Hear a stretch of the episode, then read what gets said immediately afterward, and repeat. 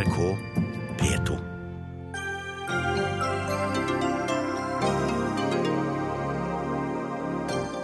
Vi må hente opp all oljen og øke aktiviteten på norsk sokkel, mener olje- og energiministeren. Da blir det umulig å nå klimamålene, svarer Bellona. Kunnskapsministeren vil ha femårig masterutdanning for alle lærere, og får kritikk fra Trond Giske, mens Utdanningsforbundet er irritert på begge. Støtten til overlevende og pårørende etter 22.07 er gradvis blitt borte, sier støttegruppa. Mener at mange først nå ser at de trenger hjelp.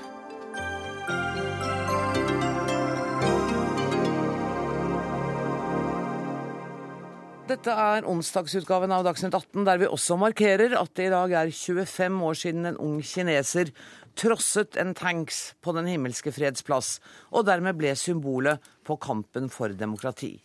Men først. All olje som ligger under norsk havbunn skal hentes opp, og aktiviteten på norsk sokkel må økes, sier olje- og energiminister Tord Lien. Uttalelsen til Adresseavisen vekker sterke reaksjoner i miljøbevegelsen. Dette gjør det nemlig umulig å nå klimamålene, mener Bellona. Tord Lien, olje- og energiminister. Hvordan kan man øke olje- og gassproduksjonen og samtidig nå klimamålene? Jeg må si at Den stormen må jeg kanskje kalle det, som jeg har opplevd i dag, er nok basert på en misforståelse. Det er sånn at produksjonen av olje fra norsk sokkel har halvert i løpet av de siste 10-15 årene. Og jeg har sagt at For å opprettholde produksjonen av olje og gass, så trenger man en aktiv petroleumspolitikk som også inkluderer økt utvinning på felt som er i drift. Og At jeg da har sagt økt utvinning, har da blitt tolka til at vi skal produsere mer.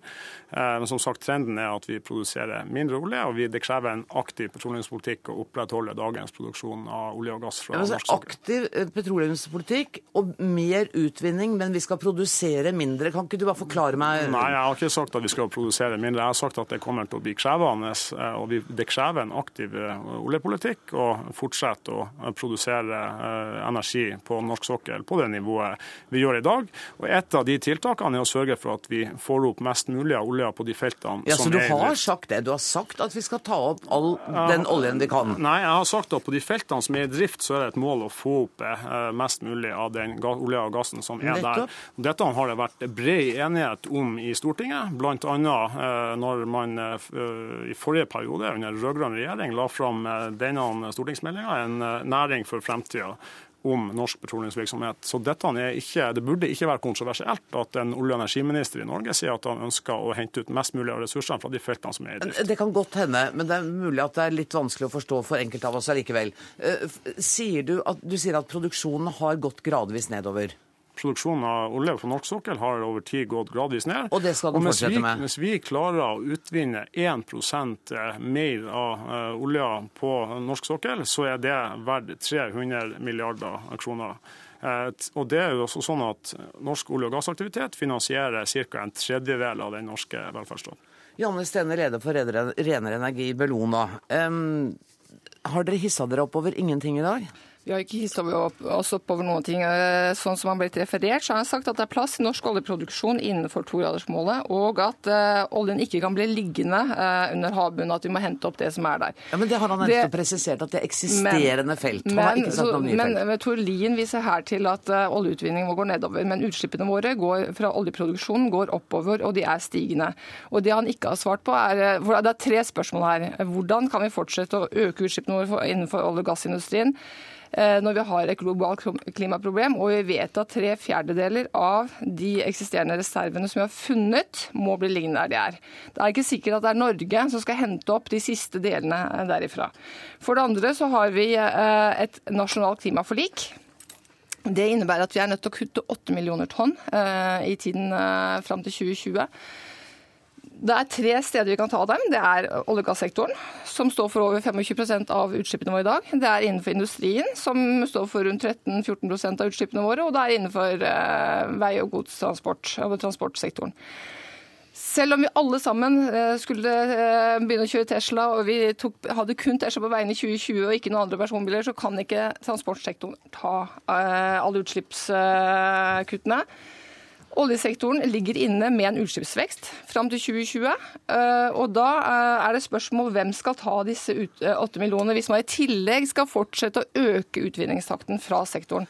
Da er det problem å få tatt de kuttene som skal til. Ja, bare for å minne om at Han er er han, her er, som, han er olje- og energiminister, altså ikke miljøvernminister. Sånn at du skal få lov til å svare på det med å gjøre det helt klart. Du skal altså ikke ha en voldsom økning i utslippene i forbindelse med den oljeproduksjonen? Nei, men jeg, jeg har lyst til å si at uh, mange av statsrådene, alle statsrådene i, uh, i Høyre-Frp-regjeringa jobber med klimaspørsmål. Ja. Uh, og, og, og, okay. og, det langs det sporet. I mitt departement så jobber vi med, delvis også sammen med Bellona på å øke produksjonen av fornybar energi, på å få på plass en karbonfangst- og lagringsteknologi, men også på både å bruke fornybar energi til nye formål, f.eks. For til til, til, Tesla og andre elbiler, men også bruke energien mer effektivt. Dette er selvfølgelig også en sentral del av regjeringas politikk. Og så må vi jo også eh, Det er to hensyn vi må balansere. Det ene er jo hensynet til at verden og Norge trenger mer energi. Og vi trenger å utvikle en energimiks som er mindre utslippsintensiv enn dagens energimiks er. Og I den ligninga så vet vi at å erstatte kullkraft med gasskraft er noe av det mest kostnadseffektive klimatiltaket man kan Eh, Ja, Men vi snakker nå om å hente opp olje.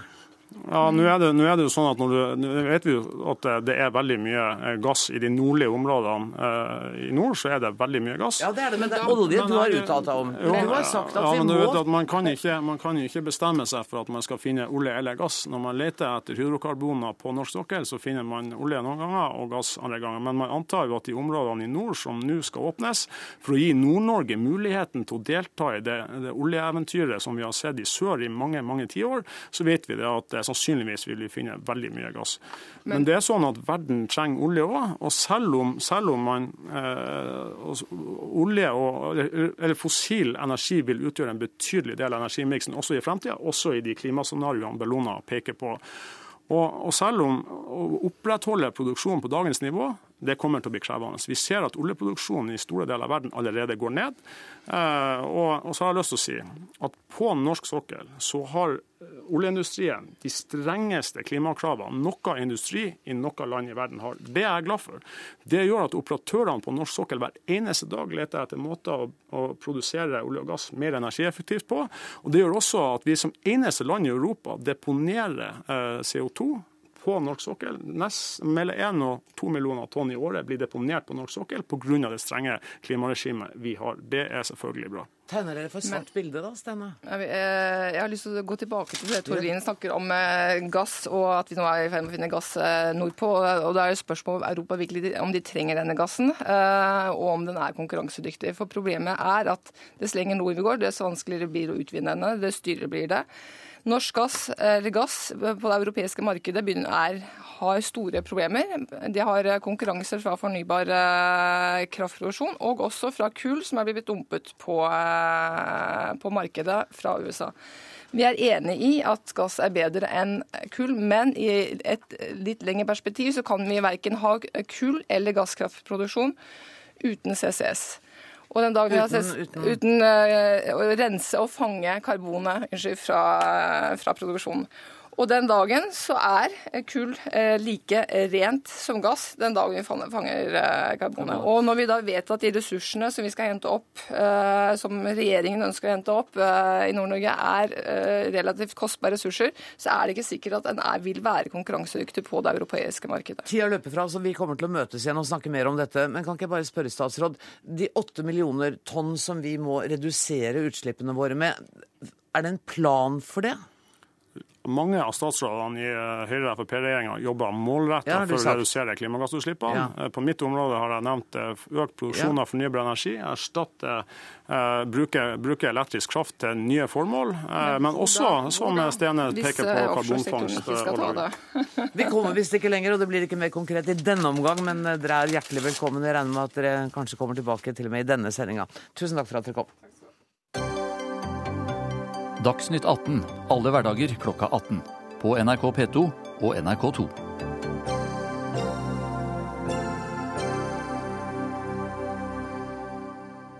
Sist lørdag ble den amerikanske sersjanten Bowie Bergdal løslatt etter fem år i Talibans fangenskap i Afghanistan.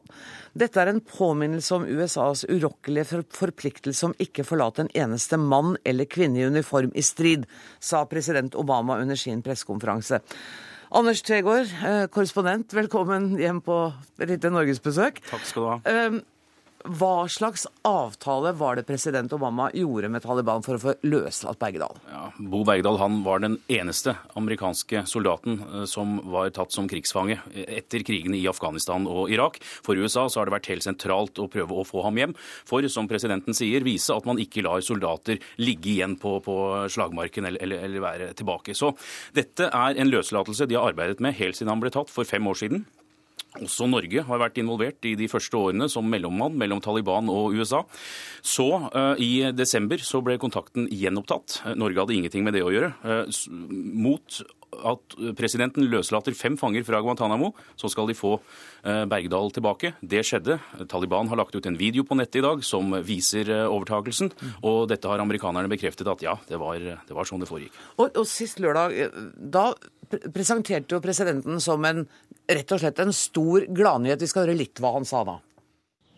This morning I called Bob and Janny Bergdahl and told them that after nearly five years in captivity, their son Bo is coming home. Sergeant Bergdahl has missed birthdays and holidays and the simple moments with family and friends, which all of us take for granted.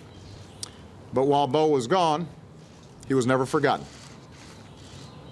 He wasn't forgotten by his community in Idaho or the military. And he wasn't forgotten by his country because the United States of America does not ever leave our men and women in uniform behind. En stolt president sier at uh, Bergdal ble aldri glemt, verken av uh, sitt uh, hjemsted eller familien eller av sitt fedreland.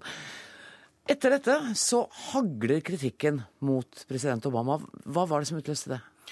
Det var at medsoldater til Bergdal sier at eh, han eh, gikk fra vaktposten sin, for han var irritert på USAs politikk. Han ble sett på som en desertør av eh, vennene. Det har vært flere amerikanske soldater som har lett etter Bergdal de siste fem åra. Seks av dem har blitt drept i, kamper med Taliban i forsøk på å frigjøre ham. Så har du det andre aspektet ved at man ikke vet helt hva som skjedde, og ikke minst at presidenten løslater fanger fra Guantánamo Guantánamo til eh, Taliban. Da kan terroristbevegelser og andre som ønsker å kidnappe, bortføre amerikanere, eller spesielt soldater i dette tilfellet, se hva belønningen blir. At de kan få sine fri. Og det er det republikanerne mener, at dette her har både vært et brudd på en lov, og det har eh, heller ikke vært et smart trekk. Og de mener også, republikanerne, at Kongressen burde vært orientert før eh, Obama hadde gjort dette. For da er det noe med en 30-dagersregel som du må forklare meg. Ja, det er når du skal løslate fanger fra Guantánamo, så skal Kongressen ha en eh, bekreftelse, eh, få et varsel om det på 30 dager. Sånn har eh, praksisen vært. Og så er det litt diskusjon. Det hvite hus mener at de har med sine rådgivere kommet fram til at de kunne hente ut fanger hvis situasjonen påkrevde det, og, og gjøre ting på egen hånd. Og de har argumentert med at Bergdals helse ikke kunne vente i 30 dager. Og så er det republikanske senatorer som har funnet ut at mest sannsynlig så er det ikke noe galt med Bergdals helse Selv videoen viser at han kan eh, gå helt på, på egen hånd, og mener at presidenten også har løyet der, og gjør dette bare for å stenge Guantánamo på egen hånd, og at debatten her heller bør handle om hva, hvem disse Guantánamo-fangene er. For der er det jo uh, flere uh, titalls fanger, som, altså rundt tror det er 86, som skal holdes på livstid eller for, for evig og alltid, fordi de er for farlige til å slippes ut. Og man får altså ikke stengt basen. Men, men, tilbake til Bergdal, for jeg så pressekonferansen med foreldrene hans også. Det, det, er jo mange ting man lurer på, mange spørsmål man har. F.eks. hvorfor kan ikke de få møte ham? Eh, påstanden om at han kanskje har glemt eh, sitt morsmål. Eh, faren som har lært seg arabisk. Dette minner jo om en eh, TV-serie som mange av oss har sett. Ja, det er eh, som tatt ut fra Homeland, Homeland eller andre sier eh, apokalypse nå. Ja. Men du, det, det som soldatene har fortalt, er at Bergdal var opptatt av det afghanske folk. Han leste afghanske bøker, kledde seg Eller altså hadde uh, sympatier med, med folket. Um, og at uh, han um, altså Referansen nå til den TV-serien Homeland er jo at han kan ha blitt snudd av Taliban, og de slipper han løs. Han er nå i Tyskland på medisinsk behandling. Hæren skal selvfølgelig gjøre det de kan for å finne ut hvordan oppholdet var, hva som skjedde. Og også så er det eh, stemmer som mener at han bør stilles for eh, krigsrett og kastes ut av Forsvaret for det han har gjort, eh, snarere enn å bli sett på som en helt, som Obama prøvde å, å selge det inn som til det amerikanske folk for noen dager siden. Og Vi kommer til å fortsette å høre historier om Bergdal, tror du ikke det? Denne her kommer til å vare i årevis, kanskje. Dette ses, ses på som en ny Benghazi for de politikerne som er uenig i dagens administrasjon, som det vel heter. Anders Vegård, tusen takk for at du tok deg tid til å komme innom Dagsnytt 18 i dag. Tusen takk.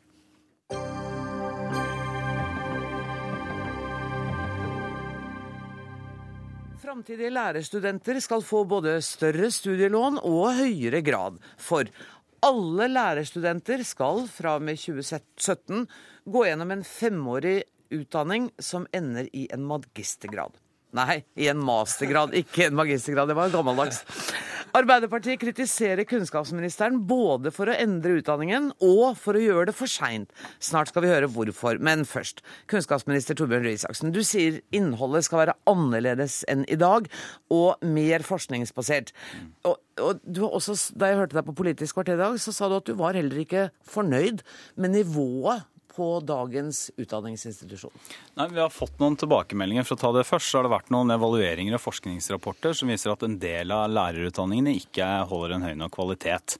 Eh, og det vi er opptatt av, det er jo, det er jo kunnskapen i skolen. Altså det, vi vet at den aller viktigste nøkkelen til det, det er læreren. Mm. Eh, og vi trenger lærere som er engasjerte, som gløder for faget sitt, som kjenner sektoren, er ute og har praksis, men som også har god faglig tyngde. Eh, og tid til å fordype seg i fagene. Og da må du ha mastergrad? Ja, altså man må ikke, men det er et viktig grep for å få det til. Og så blir det jo av noen, bl.a. av Arbeiderpartiet, fremstilt som at det å lage en mastergrad nærmest er å, å, låse studentene inne på et kontor i et år, sånn at de skal sitte og skrive om et eller annet abstrakt og teoretisk. Det er det jo selvfølgelig ikke. Altså, Mastergrad handler både om å få tid til faglig fordypning, men også om å kunne være ute i feltet og ta med seg det inn i studiesituasjonen. Ja, Trond Giske, du har beskyldt statsråden for både å være lite gjennomføringskraftig og å forsøke å tøye løftene sine så langt som det er mulig, helt til 2017. Du syns det er litt somlete?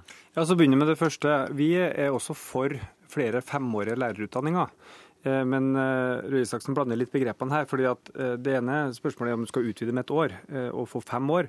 Det kan være veldig nyttig hvis du bruker de fem årene godt og riktig på det som skaper gode lærere, og som gir grunnlag for god læring i skolen. Mm. Men det han også sa i morges, det var at dette skulle orienteres mot en stor masteroppgave, forskningsbasert. Det kan være riktig for noen, men slettes ikke for alle allmennlærere. Jeg tror at det er andre ting man trenger. Man trenger bedre undervisning eh, i de fire årene man går allerede.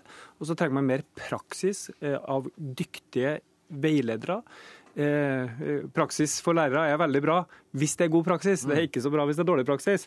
Så det å også ha veldig god kvalitet på dem som følger opp lærerstudentene i den fasen, det er også viktig. Og så var det med tidspunktet. Altså, Høyre gikk jo til valg på femårig lærerutdanning, det står i regjeringsplattformen. Det som var nyheten i dag, var jo egentlig at Røe Isaksen venter så lenge som overhodet mulig med å innføre det, uten direkte å bryte løftet. Dette skal altså ikke skje før tidligst høsten 2017.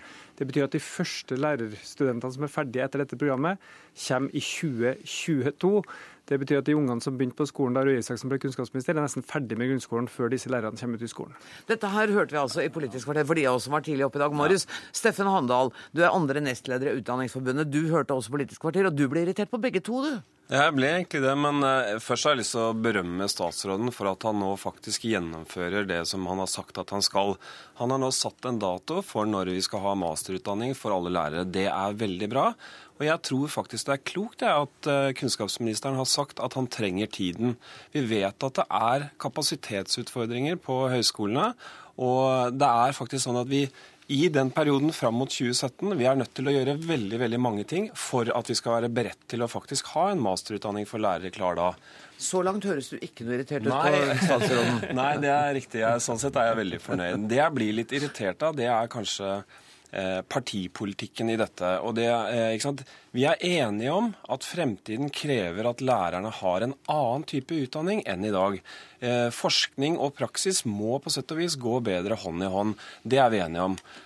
Det som er litt vanskelig å sitte og se på som lærer, det er at denne kranglingen om liksom hvor, hvor høy denne kompetansen er, hvor strenge krav vi skal ha til lærerne, den foregår på nasjonalt nivå. Samtidig så møter altså mine medlemmer en kommunal virkelighet som handler om detaljstyring, overstyring, mistillit til mine medlemmer. Vi har en Sandefjord-sak der hvor to lærere til slutt satt jobben sin på spill for å slippe å sette noen kryss på et skjema. Det er Altså, de føler seg så overkjørt.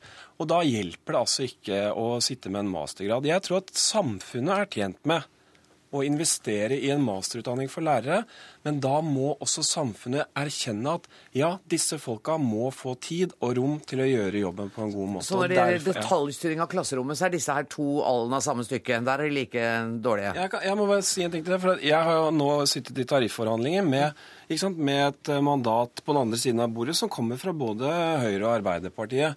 Og Da var det altså en kamp å få nok profesjonell tid til lærerne, nok fri eh, fri utfoldelse for det profesjonelle handlingsrommet. Det er den kommunale virkeligheten som jeg møter da. Og så møter jeg disse to på nasjonalt nivå, som skal eh, sitte og snakke om at vi må bli enda bedre på alt mulig mellom himmel og jord. Og det, det er må, vanskelig, altså. Og det må vi alle sammen, ja, egentlig. Ikke sant? Men, men litt tilbake til dette med mastergrad. Derfor er, er vi enige i kravet. Ja, ja, ikke sant? Ikke sant? Mm. Men kan vi ikke For jeg lurer på, er, er det virkelig behov for en mastergrad? Uh, en teoretisk mastergrad nei, nei, nei. når det gjelder de minste klassene? Altså. Nei, for jeg synes, la meg, bare først lyst til å si at jeg tror, jeg tror jo kanskje Trond Giske har bestemt seg på forhånd. Så jeg tror jo nesten uansett om vi hadde gjort dette neste år, så hadde han sagt at her rusher regjeringa og det tar for, langt, eh, for kort tid. Og hvis vi gjør det, så, så vil han ikke. Men nei, så, dette har vi jo sett ganske grundig på. Hvis man ser på de mastergradene som, er, som skrives i dag, av de som skriver mastergrad og går ut i skolen etterpå, nå har noen eksempler. Eh, som er levert av masteroppgave i norsk didaktikk, altså for å si litt forenkla hvordan man mm. lærer bort norsk. Da. Gutter og engasjement i lesing. Samtalen i veiledet, veiledet lesing. Det er altså en case-studie med to læreres praksis. Alt det foregår ute i klasserommet. Åtte elevers bruk av den digitale forberedelsesdelen gitt til grunnskoleeksamen i norsk. Fulgt av åtte elever uten i, ute i skolen. Minoritetsspråklige elevers lesekompetanse, kartlegging av det. Muntlig kommunikasjon i norskfaget er det skrevet en masteroppgave om. Det er da eh, altså, Veldig mye av dette her foregår jo ute i klasserommet. Konkrete vil, og veldig konkrete, konkrete ting. Så, det er jo ikke, så mitt poeng er at jeg skulle gjerne brukt tiden på å istedenfor å diskutere hvorvidt regjeringa eller om jeg burde lagt det fram i eller sagt 2016 eller 2017, skulle gjerne diskutert med Trond Giske om innholdet. Ja. F.eks. hvordan vi kan få opp mer praksis. Men Arbeiderpartiet har jo da vært mer opptatt av å angripe et forslag som regjeringa kommer med og fyller opp valgløftet sitt, enn å diskutere hva dette faktisk skal bestå i. Men Giske, du er, du er ikke imot masteroppgaver? Altså, altså, generelt, det blir jo litt ingen, latterlig. Ingen av disse oppgavene Røe Isaksen nå viser til, er et resultat av at han har innført femårig lærerutdanning. Dette er jo masteroppgaver som er skrevet under en rød-grønn regjering. Ja, sånn at det er jo ikke, det er ikke mulig for Røe Isaksen å si at vi er mot det. Det har jo skjedd under oss. Nei, men det, det, nei, det, så det var eksempelet bare. Ferdig. Det, det er sjuende gangen i løpet av dagen at du avbryter. Eh, vi er for femårige lærerutdanninger. Vi er også for disse masterstudentene. Spørsmålet er om alle lærere skal puttes inn i den samme malen med en stor masteroppgave. Og Det er der jeg mener at vi må ha mye mer mangfold. Og Det er ulik kompetanse som kreves i ulike fag, på ulike trinn, på ulike nivå. Vi hørte i dag i NRK lærerstudenter som sa at deres største ønske var å få mer praksis, mer veiledning i hvordan man faktisk oppføre seg i klasserommet. Dette praksissjokket som veldig mange av medlemmene til Handal forteller om. Hvor man får altfor lite god veiledning i overgangen mellom lærerstudiet og skolens klasserom. Og forskninga, snakk om forskningsbasert, forskninga på skole viser at den aller viktigste faktoren for god læring i klasserommet, det er hvordan læreren klarer å motivere elevene, formidle og skape gode læringstrykk i klasserommet. Men dere, er, det ikke, er det ikke en fare for, hvis man får en mer nyansert lærerutdanning, at ikke alle har en eh, mastergrad, at man da også får en klassedeling av lærerne? Er det noe dere er opptatt av? Nei, ikke i det hele tatt. Og, men det, det jeg tror, det, altså dette blir litt sånn unyansert. Jeg føler at en masterutdanning for lærere, det må være en profesjonsmaster. Og jeg tror at eh, vi gjør rett i å snakke om at vi kan ja, hente ut noe av det som er positivt med dagens lærerutdanning, og videreføre inn i en masterutdanning. Det høres nesten ut som av og til at eh, en master gjør at du ikke blir godt kvalifisert for å være lærer. Det er tvert imot sånn at jeg tror at en profesjonsmaster som nettopp tar utgangspunkt i det yrket du skal ut i. Den praksisen du skal bedrive når du er ferdig med utdanningen. En sånn profesjonsmaster, det tror jeg alle lærere vil tjene på. Og jeg tror vi skal ta inn over oss også at lærerorganisasjonene har kjempet for dette siden 2006. Dette er ganske godt forankra også i, i, i lærerstanden. Og profesjonen ser at behovene for lærerkompetanse i fremtiden, det handler veldig mye om å kunne beherske forskning på en ny måte. Men er du uenig med Giske som sier at vi trenger ulik kompetanse på ulike nivåer av ulike lærere?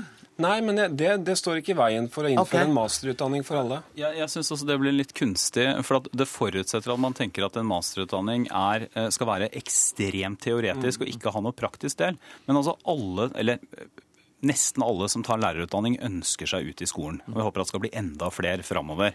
Eh, Og det er en helt avgjørende del. altså De som tar femårig masterutdanning i dag, bruker jo også veldig mye tid i skolen. Og sånn må det være. Jeg håper jo også at når vi skal få et år ekstra på det, at vi skal få brukt enda mer tid i kontakt med skolen. For praksis, for oppfølging. Så man må ikke, eh, man må ikke skape et inntrykk av at en master er en sånn teoretisk konstruksjon. Det er heller ikke sånn at dette automatisk, ved å føye på et år og kalle det en mastergrad, at det vil løse eh, alle utfordringer vi har. Men det er jo også en sjanse til å gå gjennom lærerutdannelsen og se er det godt nok? Hvor er det det trykker? Hva er det vi skal gjøre for å gjøre gode lærere enda bedre i framtida? Ja, for dere er enige om at dere må gjøre noe med lærerutdanninga. Du skal få siste ordet denne gangen, Giske, og det kan ikke bli langt. Nei, altså jeg tror kanskje det er lurt at Røe Isaksen har tatt seg så god tid, for det gjør at han kanskje kan tenke seg litt om og ikke satse så mye på denne svære masteroppgaven, men nettopp gå mer i den retninga han sier nå, og, og gjøre dette mer praksisorientert. Eh, For vi må gjerne bruke fem år, men da må vi bruke det på det rette. Jeg syns heller han skulle hente inspirasjon i hvordan vi utdanner leger. De har en lang utdanning, men jo eldre de blir i utdanninga si, jo mer er de ute blant pasienter sammen med gode veiledere, professorer leger som er erfarne. Snakke om kommunikasjon, snakke om behandling, gjør alle disse tingene som er praksis. Slik burde vi også utdanne lærere. Det er den type lærere vi trenger. som er menneskekunnskap. Ja. Tusen takk for at dere kom, alle tre. Eh, Jeg skal bare helt nå nevne at eh, akkurat nå så har energi- og miljøkomiteen på Stortinget hatt et pressemøte hvor de anbefaler at hele Utsira-anlegget skal forsynes med kraft fra land raskest mulig. Det skal vi høre mer om og få reaksjoner på om noen ganske få minutter, men først skal det dreie seg om et jubileum.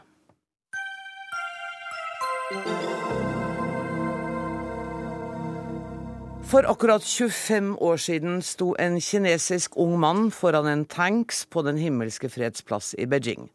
Han stilte seg i veien da kinesisk politi og militærstyrker gikk til angrep mot demonstrantene på plassen, og måtte sammen med et ukjent antall mennesker bøte med livet. Dvs. Si, vi vet jo ikke hva som skjedde med denne mannen. Bildet av mannen mot tanksen har for mange blitt selve bildet på 4. juni 1989. Terje Svabø, du var Aftenpostens korrespondent i Beijing, og dette bildet er jo utrolig sterkt. Han har blitt demokratisymbolet. Og vi vet ikke hva som skjedde med ham, men jeg har lurt på hva som skjedde med den mannen i tanksen. Han gjør jo hva han kan for å unngå Ja, det er et like godt spørsmål. Det, dette skjedde jo 5. juni, dagen etter. Dette var på morgenen den var 5. morgenen juni. 5. nettopp. juni, Mm. og det var altså på Den himmelske freds plass. øh, og det var på vei bort fra plassen, fordi eh, plassen var jo da avstengt av, av soldatene. Og det var jo en meget, for å si det forsiktig, modig opptreden av mannen med plastposer. Men ikke mindre modig faktisk av vognføreren, som jo hadde en klar ordre, eh, nemlig å ikke stoppe noe som eh, altfor mange fikk bøte med livet for et døgn tidligere, da tanksene ikke stoppa på, på eh, veien. Og du har helt rett. Vi vet ikke hva som har skjedd med mannen med plastposer, og vi vet heller ikke hva som har skjedd med vognføreren. Men Jiang Zemin, tidligere presidenten i, eh, i Kina, skal en gang ha uttalt at 'jeg vet ikke hvem eh, denne mannen med plastpose var, men eh, han er ikke tatt av dage'. Du var jo korrespondent i Beijing. Eh, og du og NRK-kollega Fritz Nilsen eh, samarbeidet Ja. eh, i denne dramatiske tiden opp mot 4. juni. Og på NRK Ytring i dag så skriver du at hver dag var en kamp eh, mot eh, propaganda og for å forsøke å finne sannheten. Gjorde, klarte dere det? Det håper jeg, men her skal man eh, her skal man eh, være forsiktig med hva man sier, for det er klart, hva er sannheten i en sånn kaotisk situasjon som vi her opplevde? Og husk, vi var, altså, vi var i et eh, land styrt av et eh, hardtslående kommunistparti, eh, hvor de hadde hele propagandaapparatet på sin side, hvor vi visste at mediene naturlig nok var kontrollert av, eh, av makthaverne. Og da å klare å skille hva som var rykter og hva som var sannhet, var vanskelig. Derfor så samarbeida Fritz Nilsen og jeg veldig nært. Og vi hadde også eh, møter med kolleger fra Japan, Hongkong, eh, Tyskland, Frankrike og USA på ukentlig basis før det hele begynte å, å, å virkelig ta, ta seg til. Da, da møttes vi hver dag for å forsøke å sortere hva er rykter, hva er sant. For vi ville jo gjerne stå for det vi skrev og berettet i ettertiden også. Og så ble det Dere arbeidet sammen i eh, Fritz Nilsens eh, leilighet, eller NRKs leilighet. Eh, og så kommer da denne dramatiske dagen, og vi skal høre en av de mest dramatiske rapportene jeg kan huske å ha hørt.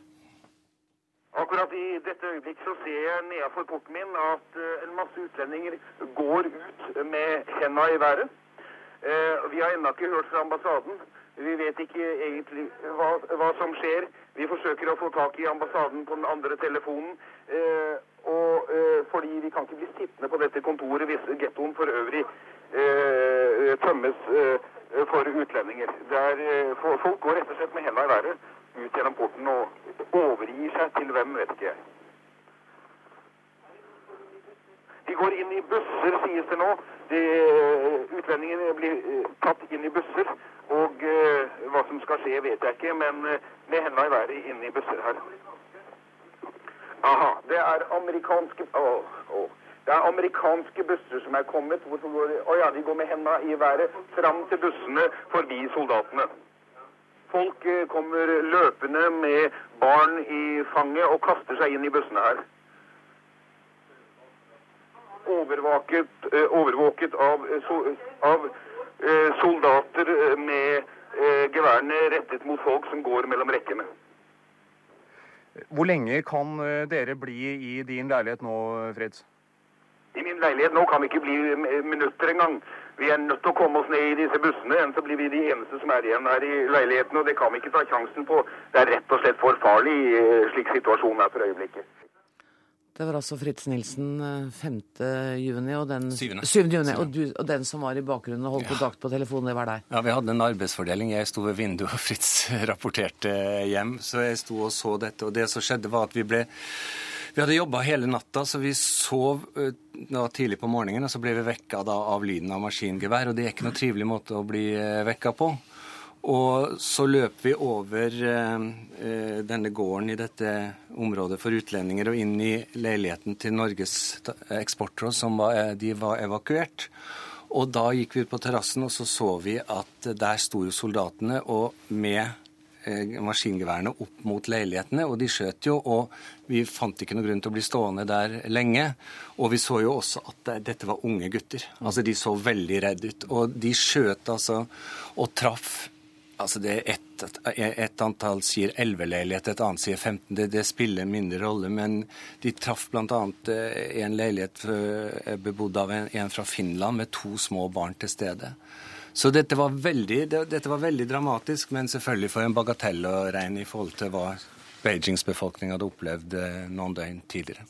Harald Økman, du er sinolog, koordinator for Nettverk for Asiastudier. Eh, altså, når når vi ser tilbake, så det som utløste eller fikk eksplosjonen i gang, var vel eh, at den tidligere generalsekretæren i partiet, Ho Yaobang, eh, døde. Det var den direkte Ja, men det går litt lenger tilbake til det, fordi du, du hadde en ganske betydelig studentbevegelse i 86-87. Og da var Hu Yabang leder for kommunistpartiet, men da ble han sett på som så veik at han ble kasta. Og så ble han da Han fikk beholde plassen sin i sentralkomiteen, men så skal han angivelig ha blitt så sinna på et møte i, politbyrå, politbyrået, eller sentralkomiteen, som diskuterte problemet med utdanning, at han fikk hjerteattakk og døde den og ble begravd ja, var det den 17. april? 15. 15. april. Og, og så fikk han heltestatus blant uh... Ja, fordi han var den på 80-tallet som var den som kom mest de, de, de nye studentene. Dette var den nye eliten som kom etter kulturrevolusjonen. Jeg har passet meg vel uh, for å bruke ordet massakre i dag etter å ha lest, om, lest, det du skriver i Klassekampen og hørt deg uh, på nyhetene. For du mener at det var ingen massakre på Den himmelske fredsplass, og at dette er medieskapt. Men ærlig talt, Bøckmann, er ikke det ordkløveri? Vi vet at det døde hundrevis, kanskje tusenvis av mennesker som ble kjørt over av tanks, som ble skutt. Om ikke akkurat på plassen, så i gatene vest for plassen. Ja, altså jeg har overhodet ikke sagt at det ikke fant sted noen massakre. Jeg bare sier at den, den, store myten som er skapt, og dette er en medieskapt myte, fordi, og historikerne er helt i, kommet helt i bakleksa her, den, eh, den eksisterer den, den, ble skapt der og da, og så er den blitt noe av vår sterkeste myte. Ja, hva er det som er myten? Hva er det som ikke er sannheten? Det er at de eh, 2000-3000 studentene som var på plassen, at de la ned sine liv. Altså, du kunne spole til en av Sally Salig Fritz sine gode reportasjer, der han sier han sitter da to kilometer vekke og sier nå går uh, tanksen på plassen, og de har helt sikkert drept flere hundre studenter. Mm. Altså, så folk ble drept for å hindre at tanksen og soldatene skulle komme fram til studentene. Ja. Studentene var ikke noe problem for regimet. Regimet var redd for den folkelige bevegelsen som var satt i gang. Og de som fremdeles liksom holder fast ved denne myten, da, som er blitt en slags sånn jeg føler meg nesten som en festbrems. Jeg må unnskylde ja, uttrykket. Men, litt kanskje, ja. men hvor, hvordan har det seg at alle studentlederne fremdeles er i live? Mm, nettopp. Hvis de er massakrert? Ja, men eh, alle er i live, og noen av dem er fremdeles et problem for eh, kinesiske myndigheter. En av dem var Liu Xiaobo. Uh, Geir Lundestad, velkommen hit. Du har nettopp i dag åpnet en utstilling dels til ære for uh, Liu Xiaobo. Ja. Hvordan har den blitt mottatt i dag? Jo, den har blitt eh, godt mottatt. Det var et rimelig antall som var til stede ved åpninga. Og media har jo vist eh, stor interesse, og det er vi jo glad for. Men det har vært litt vanskelig med å få sponsorer og kanskje gjester til åpningen, har vi hørt rykter om? Jeg tror dette der er litt eh, overdrevet. Jeg har undersøkt uh, saken. Det er jo klart at det er ikke alle som ønsker å være sponsorer for Fredssenteret, verken i 2010 eller akkurat nå, da.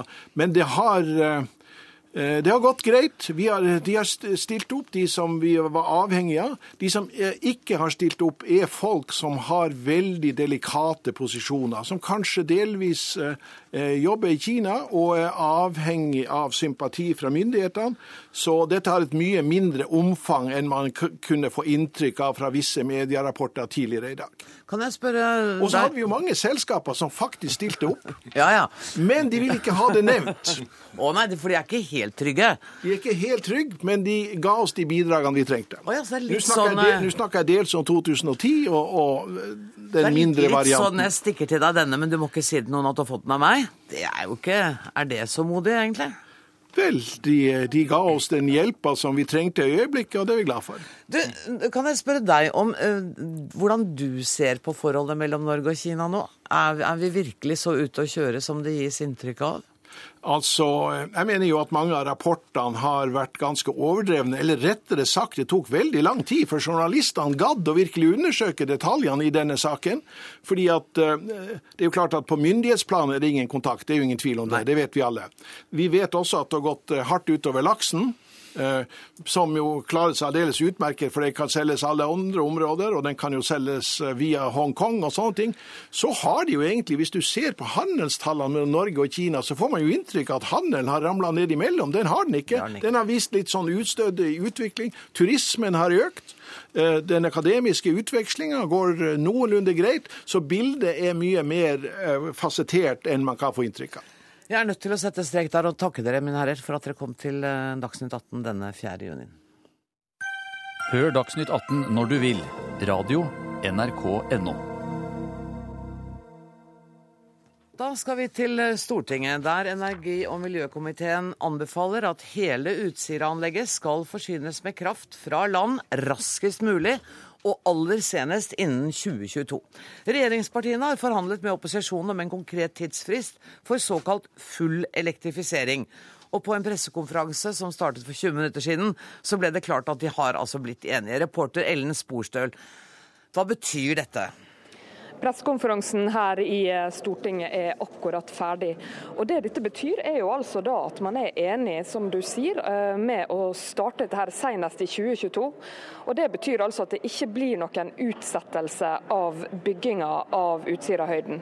Og Det har jo på en måte vært det store spørsmålet her. Dette er et veldig krevende prosjekt, det er et dyrt prosjekt. Og Spørsmålet har vært om man kan klare å sette i gang elektrifiseringa uten at det forsinker byggeprosessen. Men hvorfor har dette vært en så politisk vanskelig sak? Her har det vært ulike meninger om hvor hardt man skal kjøre på. Vi vet at eh, KrF bl.a.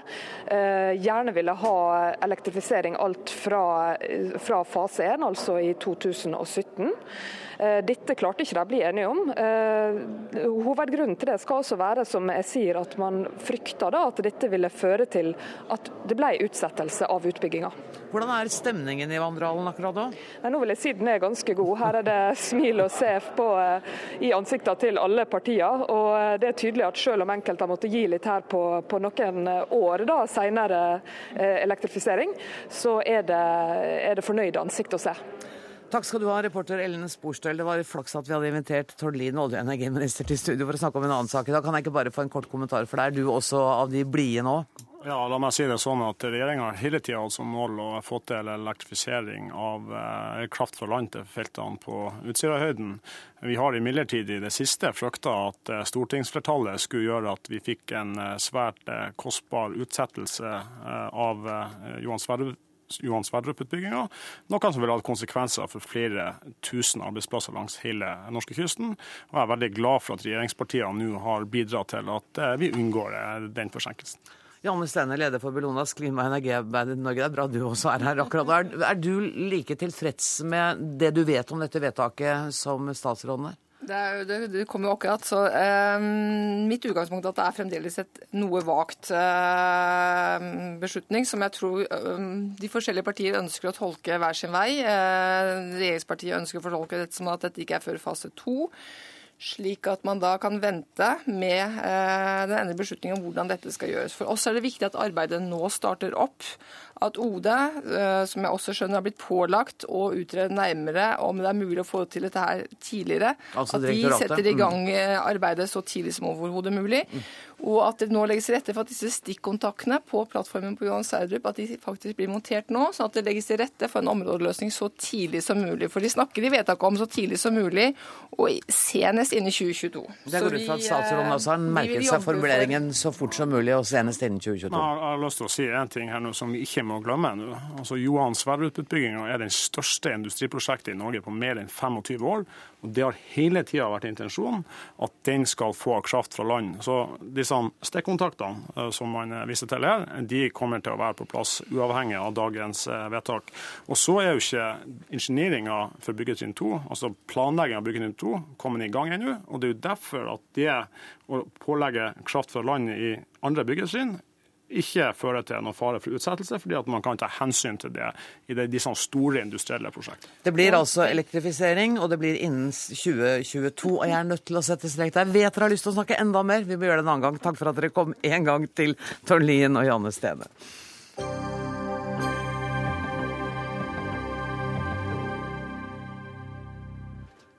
Overlevende og pårørende etter terrorangrepene på Utøya og i regjeringskvartalet 22.07 ble lovet oppfølging og hjelp. Men apparatet som skulle ta seg av dem, eksisterer ikke lenger. Det kan vi lese i Dagsavisen i dag. Og budskapet kommer bl.a. fra deg, Trond Henry Blattmann, leder for den nasjonale støttegruppa etter 22.07. Hvorfor er det flere som nå opplever at de trenger hjelp? Det har jo snart gått tre år. Ja, det, Realiteten i dette er at når eh, media, eh, medias fokus stilner, eh, så blir på mange måter folk alene. Og her har vi fått utsatt en sorgreaksjon i to og et halvt år. Og det betyr at mange nå opplever ei veldig, veldig vanskelig tid. Og når den tida nå er kommet, så er mye av det hjelpeapparatet som fantes umiddelbart etter hendelsen i 22.07.2011, det er borte. Og I så måte så er det veldig mange som sliter. Vi har rimelig ferske forskningsrapporter her som tilsier at 45% av de etterlatte ikke er tilbake igjen i jobb. Mange av elevene, Sa du 55 45. 45. Mange av elevene sliter med å, å delta i skoleundervisning i sin utdanning. Eh, og Sånn sett så kommer disse tallene fram nå. og Derfor trekker vi opp dette og roper et varsko om at denne hjelpa som vi hadde opprinnelig, den må være der fremdeles. For disse personene, våre medlemmer i støttegruppa, trenger hjelp. Og Det var vel også et faktum at da hjelpetilbudet var der rett etter at tragedien rammet, så var det en del som takket nei i første omgang fordi de hadde en tro på at de skulle klare det selv. Ja, det er helt klart. og Der uh, utmerker de unge seg. De eh, vegrer seg for å ta imot hjelp. Uh, det kunne være at det var mangel på kjemi. De fikk ikke hjelp til skal vi si, de verste plagene. Ofte var det skuffende møter. og Det viktigste for mange av de unge var at de ville ikke være i noe offerrolle, ville ikke være til bry for noe, men ville videre og se framover. Og så kommer liksom dagliglivet, og så kommer utfordringene. Og når de kommer sterkt nok, så søker man hjelp, og da fins ikke den hjelpa. Og så har jeg lyst til å si også eh, at det er nok en mangel på kompetanse i mange kommuner rundt om i Norge på dette feltet, med, med, med vanskelig sorg og traume sett ut ifra den hendelsen som, som skjedde 22.07. Husk på at mange av disse ungdommene var i en krigssituasjon. De færreste av oss har muligheter til å sette, sette oss inn i hva som skjedde. Her trengs det eh, god kompetanse. og her trengs det eh, kompetanse over hele landet. For her har vi altså medlemmer fra Svalbard til Kristiansand. Du sier at du vil rope et varsko. Jeg hører jo på deg at du er, du er alvorlig bekymret for tilstanden til flere av eh, dem du snakker med. Ja, hvis jeg er bekymra for det. og Jeg pleier av og til å si at eh, vi har mista mange nok. Og det er klart jeg er bekymra, for når jeg ser at ungdom trekker seg tilbake, eh, så er, en, eh, så er det et rop om hjelp, et stille rop om hjelp. Og jeg har hele tida bedt om et proaktivt helsevesen som reiser ut og tar kontakt. Fordi at kommunene vet hvem disse personene er. Og når vi ser tallene fra, T2-undersøkelsen fra Senter for krisepsykologi, som er så tydelige, så er det et varsko om at nå må kommunene ta grepet, og de må iverksette den hjelpa som trengs der ute. Og det er utrolig viktig for oss, altså. Helseminister Bent Høie, det gjør inntrykk å høre de rapportene du får nå? Ja, det, det gjør det. Og jeg eh, er veldig enig med Blattmann i at vi må, vi må være veldig oppmerksom på dette. At det eh, kan være flere av de som var berørt, både som var på Utøya og som var på regjeringskvartalet, og deres pårørende, som har eh, nå behov for, for hjelp. Både nå, men òg i årene, årene framover. Men er det ekstraordinære hjelpeapparatet som da ble satt i verk, er det litt nedlagt nå? Altså Det ekstraordinære hjelpeapparatet var jo eh, delvis eh, noen kommuner som søkte om midler eh, til å gjøre noen ekstraordinære tiltak. Det vi så i 2013, at det var veldig lite av den type søknader. og Derfor så foreslo jo òg den forrige regjeringen, når vi gjorde det samme, at vi avvikla den egne potten som de kunne søke på, for det var lite søknader om det. Men hva men, gjør du nå da, når du det, hører dette? Ja, men det som vi må gjøre, det er jo å sørge for at det hjelpeapparatet vi har, som skal hjelpe mennesker som f.eks. får psykiske helseutfordringer, at de får god nok hjelp. Og så er jeg enig med Blattmann at uh, der er ikke god nok uh, kompetanse alle steder. Uh, og Derfor har vi bl.a. oppretta regionale kompetansesentre for den type eh, stressreaksjoner og traumatiske opplevelser, som vi f.eks. bruker nå veldig, eller som nå oppfattes brukes veldig godt opp mot veteranene våre. Mm. Men de skal òg brukes f.eks. der en kommune eller et helseforetak opplever at de kommer til kort eh, og ikke har god nok kompetanse sjøl. Men der er nok, en er nok ikke flink nok til å bruke den kompetansen. Eh, det må du gjøre noe med. Sørge ja. for at Det, det, må vi jobbe sammen om. og Det er samme også i forhold til at vi har et eget et prosjekt om håndtering av krise og komplisert sorg, som går òg på å sette i gang læring av de som jobber i tjenesten. Det er noe som kom etter 22. juli. 22. juli var òg en, en, en, periode etter det der vi lærte, ja, har lært mye om behovet for denne type tjenester. For de som er etterlatte på etter 22. juli, men det er òg mange andre familier som har sine store kriser, selvmord, andre ting, som har behov for tilsvarende hjelp. Torbjørn Røe Isaksen, eh, nevner jo også skolen. ikke sant? At, og noen har jo fått anledning til å ta en ettårskurs, utvide det til to år, og så er det ikke noe mer. Kan skolen være mer proaktiv overfor disse unge menneskene som trodde at de skulle klare det sjøl, og så etter to og et halvt år så oppdager de at det gjør de ikke?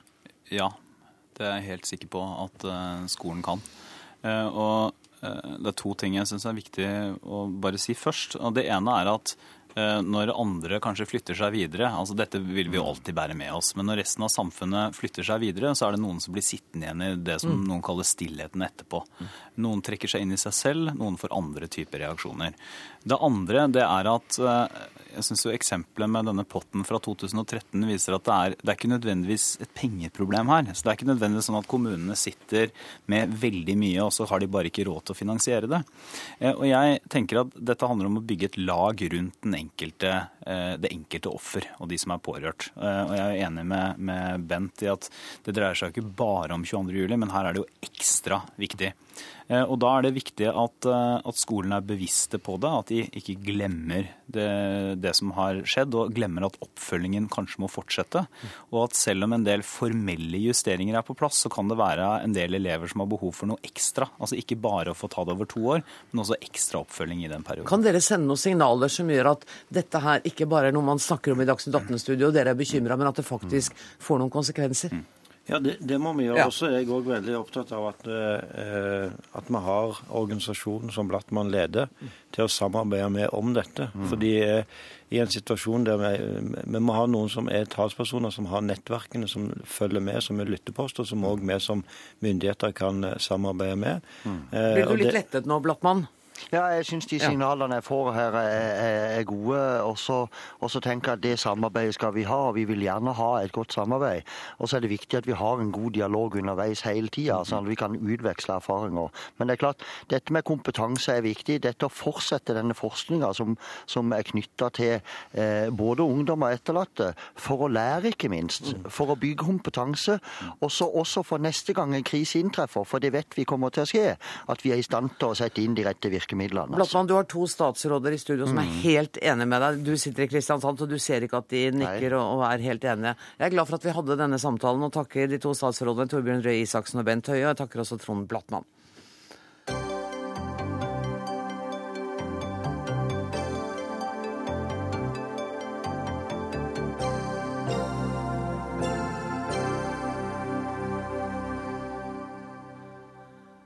Norske soldater vil ikke lenger ha religiøse fellesritualer mens de avgir førstegangstjeneste i Forsvaret.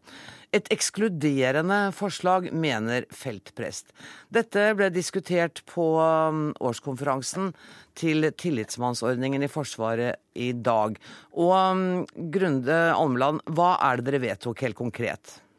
Ja, Nå kommer jeg rett fra en veldig engasjert debatt som sa at vi ønsker et mer inkluderende forslag der det er rom for alle, også for kors og Gud. Men for å komme dit så trenger vi å gjøre noen justeringer på dagens praksis. Som for eksempel? Det inkluderer at vi har felt, feltgudstjenesten, som i dag ikke for mange oppleves som eh, særlig inkluderende. Vi Eh, vi, eksempler på dette er at når det sies at det skal være en feltgudstjeneste ute i felt, så er dette på en måte standardritualet. Standard, eh, og dersom du ikke ønsker å delta på dette, så må du tydelig annonsere dette foran en hel tropp. Og det oppleves ikke som et, eh, oppleves ikke som et reelt valg, nettopp fordi det ikke eksisterer reelle alternativ. Alternativet ditt blir å sitte igjen i et telt alene, pusse våpen, mm. pusse multifuel osv. Men, men det er jo flere konkrete ting dere da vil ha fjernet, f.eks. det som heter kongeønske. Og kongeønske, det er jo bare at en Senioroffiser sier 'Gud bevare kongen og fedrelandet', og så svarer avdelingen ja. Hva er det som er problematisk med det? Det problematiske her er jo nettopp eh, det religiøse, fordi enkelte personer melder fra til oss at de opplever dette som ekskluderende. Vi ønsker et mer inkluderende forsvar, og for å komme dit så trenger vi eh, at de, det som skal være standardpraksisen, det som skal være det gjeldende, det skal være ikke-religiøst. Og så mener jo jeg og vi absolutt at det skal være rom for det religiøse også, men det må være som et tilleggstilbud, ikke som det gjeldende. Alf Petter Bu Hagesæter, du er leder av Feltprestkorpset. Hva er din reaksjon på tillitsmennenes holdning? Nei, Jeg syns at dette her er interessant å føyer seg inn i en viktig debatt uh, som vi har hatt gående i lang tid i Forsvaret. Vi starta opp i, hvert fall i 2008-2009 med en sånn eh, utredning som heter 'Religiøst mangfold og militær enhet', og hvor dette er en problemstilling. Hvordan skal man praktisere sin tro, sin religion, når man er inne i en uh, militær setting? Og det er viktig at um, de som har en tro, får anledning til å utøve den ikke bare individuelt, men også i kollektivt og i, i samlinger, da, enten de er i felt, og ikke minst når de er ute i Afghanistan eller uh, andre steder hvor det er fare for liv og helse, så viser det seg det at mange av soldater de syns at det er et veldig bra tilbud, og at vi åpner opp uh, Det er det sikkert enighet om. Også nå, sånn som jeg oppfatter det nå, så er du litt mildere i formen enn du var tidligere i dag, hvor du sa til en kollega at dette virker ekskluderende. Ja, da hadde jeg lest det som var forslaget. Nå har jeg ikke fått med meg heller helt klart hva som egentlig ble det endelige vedtaket rundt dette. Men jeg har forstått det slik at man har et vedtak som går ut på at man ikke skal stille soldaten i en situasjon hvor de må ta et valg, altså et ja eller nei, i forhold til å delta på en religiøs samling. F.eks. det som heter bønn på linje. Det sier jo soldater at det er det vanskelig å komme seg ut av uten å måtte annonsere det for mange kolleger. Ja, og det er jeg enig med. Altså den, det som jeg si, er, er, enig i denne kritikken her, det er rett og slett altså hvis man ikke klarer å praktisere fritaksretten på en skikkelig og anstendig måte, så må man endre praksis. For det hører med i bildet. Og bønn på linja, det er jo en sånn samling hvor man stiller opp kanskje i forbindelse med en minnemarkering, eller det kan være medaljeparade. Og hvis man der eh, legger opp til altså at man leser fra Skriften, man ber Fader vår, man lyser velsignelsen og og har noen ord fra feltpressen. Når det oppleves vanskelig for, eh, for, noen soldater, så skal de slippe å måtte tre av og gjøre, gjøre dette så synlig og stigmatiserende som, som, det kanskje kan legges opp til noen ganger. Så i bunn og grunn så er du enig med tillitsmennene i at religiøse fellesritualer kanskje bør avskaffes? Ja, Vi må iallfall ta en debatt om det, og jeg vil gjerne være med i den debatten. Som sagt, Den har pågått en stund, og jeg har også samtaler med forsvarsledelse rundt dette. Og også snakket med forsvarssjefen akkurat rundt bønn på linja. Og jeg tenker at eh, vi må fornye våre uh, si, ritualer. Forsvaret må fornye, fornye, sine ritualer, følge med i tiden og i den mangfoldsutviklingen som foregår både i samfunnet mm. og i Forsvaret. Grunde Almeland, der får du også støtte fra feltpresten. Ja, Det er veldig hyggelig å høre. Men det som, det som feltpresten sier, dette er en debatt som har pågått lenge. Nå tror jeg det er viktig at Forsvaret lytter, den ledelsen både politisk og militært lytter til dette, og at vi får de endringene som vi eh, i tillitsmannsordningen og soldatene faktisk ønsker. Og det er bl.a. at bønn på linje bør utgå. Vi bør ha eh, standardisert Fellesritualene skal være ikke-religiøse, og på den måten være virkelig inkluderende. Og da, Hva er prosessen videre da? Nå har dere altså vedtatt det. og hva, Hvordan går arbeidet da videre for å få dette gjennomført? Det blir jo opp til den politiske militære ledelsen og feltprestkorpset selv å ta tak i dette. Vi vil kjempe for at dette skal gjennom, men eh, jeg mener jo absolutt at når opp mot 10 000 soldater har sagt sin mening, så bør jo det absolutt lyttes til. Og Alf Petter Bu Hagesæter, du kommer også til å støtte denne saken ja. i din organisasjon? Jeg vil lytte nøye og invitere gjerne til samtaler for hvordan dette skal følges opp. Men det som er viktig for meg å understreke, det er at religionsfriheten, den enkelte soldats frihet til å uttrykke sin religion, enten individuelt eller kollektivt, den må gjelde i Forsvaret, slik som det gjelder i, i vårt samfunn. Og dermed ble det siste ordet i denne utgaven av Dagsnytt 18. Tusen takk til Grunde Almeland, takk til Alf Petter Bu Hagesæter. Det gjenstår bare for meg å nevne at ansvarlig for denne sendinga var Bjørn Atle Gillestad. Det tekniske ansvaret har Lisbeth Sellreite. Jeg heter Anne Grosvold. Vi høres igjen i morgen. Takk for nå.